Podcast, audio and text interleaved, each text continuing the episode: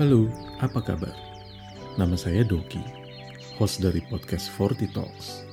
Podcast yang berisi cerita hati dari kami-kami yang berusia middle age. Kenapa Forty Talks? Dan kenapa cerita hati? Well, karena rata-rata para middle age baik pria maupun wanita yang berusia 40 tahun ke atas itu, waktunya sudah tersita oleh kegiatan kantor dan rumah. Saking padatnya, kadang kita udah mulai susah untuk nyari waktu buat ketemu temen, sekedar hi, chit chat, ngalor ngidul, bahkan curhat sama sahabat terdekat. Kadang pas ketemu timingnya, eh sahabat kita yang kebetulan lagi sibuk. Akhirnya hampir semua masalah yang kita hadapi dipendam sendiri di dalam hati. Padahal itu kurang bagus loh, karena memendam masalah dalam hati itu bisa memicu stres yang berkepanjangan. Padahal di zaman pandemi ini, kita butuh banget imunitas tubuh yang sangat bagus.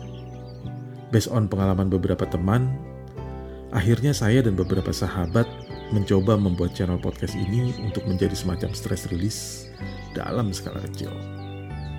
Mungkin dengan adanya channel ini, kami bisa sedikit membantu. Minimal mengangkat sedikit beban. Jadi buat teman-teman, kakak, adik, atau siapa pun yang merasa punya unek-unek dan butuh teman untuk cerita, jangan ragu. Langsung aja kirim email ke kami di fortitalks@gmail.com. F O R T Y T A L K S at gmail.com. Saya ulang ya. F O R T Y T A L K S at gmail.com. By the way, kalau kamu ngerasa kamu gak terlalu jago untuk nulis, tenang. Kamu bisa rekam voice note di HP kamu Terus kamu tinggal kirim voice note itu ke email kita. So, gak usah pakai lama lagi, yuk kita mulai cerita kita di episode kali ini.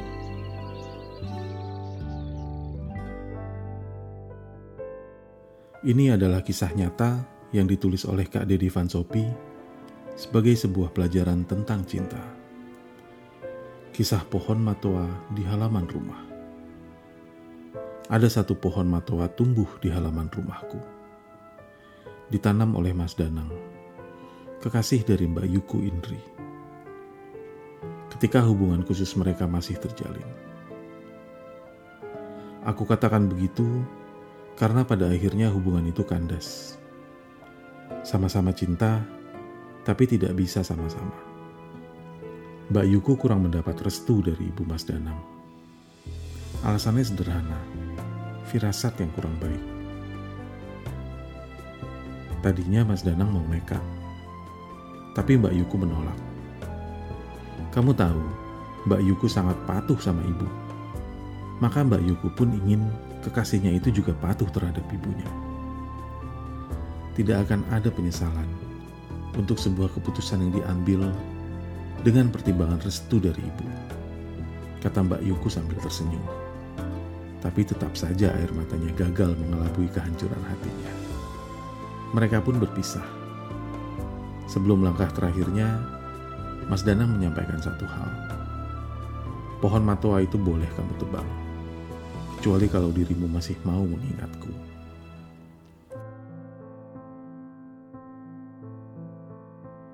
Kemudian dalam waktu yang singkat, Mbak Yuku mengambil langkah dramatis dalam hidupnya. Menerima perjodohan dengan pria yang masih terhitung saudara jauh, dan memiliki asal-usul yang sangat baik. Mbak Yuku sama sekali tidak mengenal calonnya sebelum ini. Apalagi cinta, belum ada sama sekali. Mbak Yuku berharap dapat mencintainya pada suatu saat, walaupun perlahan.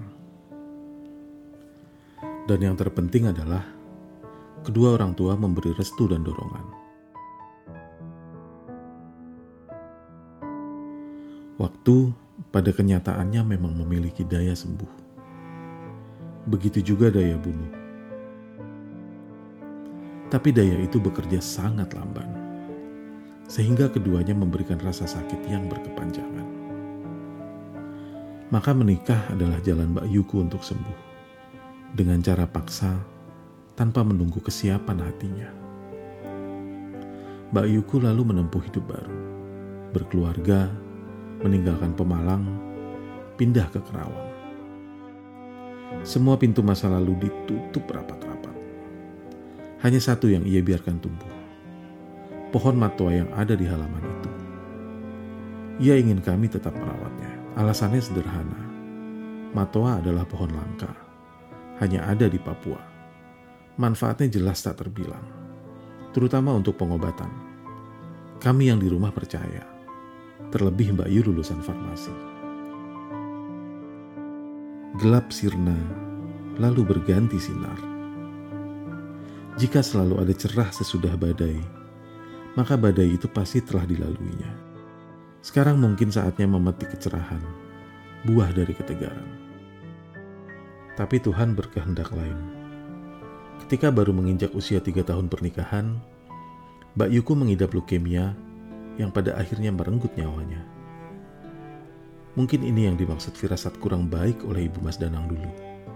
Entahlah, tidak akan ada yang tahu. Yang jelas, berita kepergian Mbak Yuku tidak pernah sampai ke telinga Mas Danang.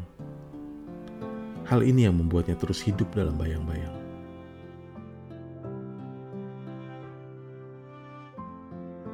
Ternyata Mas Danang cukup sering melakukan perjalanan Semarang-Jakarta. Beberapa kali di antaranya, ia bahkan menyempatkan untuk datang ke rumah kami. Tapi tentu saja tidak pernah sampai masuk. Bahagia hatinya melihat pohon matua itu tetap ada. Tumbuh sehat dan besar, daunnya rimbun, dan buahnya banyak di mana-mana. Melihat matua itu, Mas Danang mengira seperti itulah kehadiran dirinya dalam hati Mbak Yuku. Dibiarkan hidup dan dirawat sebaik-baiknya. Selama bertahun-tahun, matua itu menjadi sumber semangat dan daya hidup bagi Mas Danang.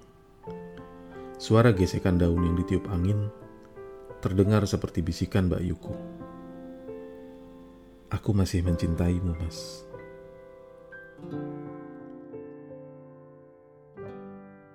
Sampai pada suatu sore, di kunjungannya yang entah kesekian, ketika ia sedang hanyut memandangi pohon matua itu, tak sadar ibuku memergokinya. Mas Danang, sapa ibuku terperangah. Mas Danang terkejut. Ia tergopoh mencium tangan ibuku. Dalam ibu, saya dari Jakarta, sengaja mampir. Ibu sehat? Ibuku bergetar menatap Mas Danang yang sangat disayanginya itu. Ketegaran yang ia latih bertahun-tahun, lalu runtuh seketika. Kabeh sehat. Indri sing wis ono, Mas. Tangis ibuku pun pecah. Seperti pada hari pertama ia kehilangan Bayuku. Dan pada Mas Danang, ia seperti melihat sebuah senja yang gemilang dengan warna-warna keemasan. Tiba-tiba menjadi mendung yang paling gelap dari yang tergelap. Mendung yang ia harap segera menjadi hujan agar ia bisa menyamarkan air matanya.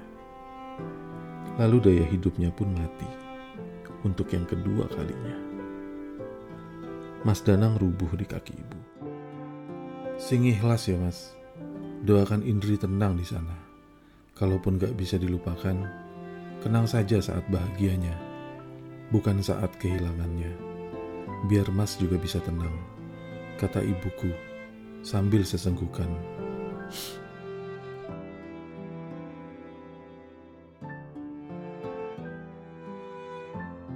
Aku berkali-kali berhenti ketika menulis bagian ini. Seandainya cerita ini kutulis dengan pena di atas kertas, Mungkin huruf-hurufnya sudah meleber, memudar oleh keringat dan air mata, mengenang kembali dua orang yang berbagi tangis, ditinggal oleh belahan jiwa. Mas Danang lalu bangkit. Tak lama kemudian, bapak mengantarnya ke makam Mbak Yuku.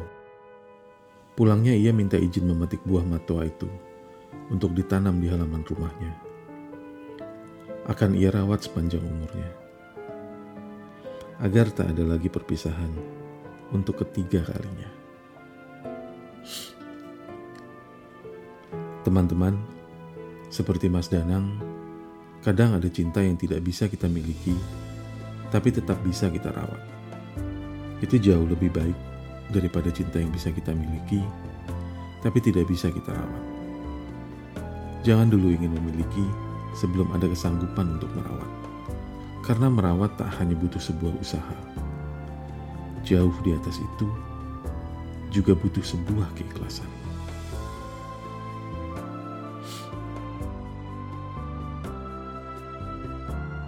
Sampai bertemu di episode selanjutnya.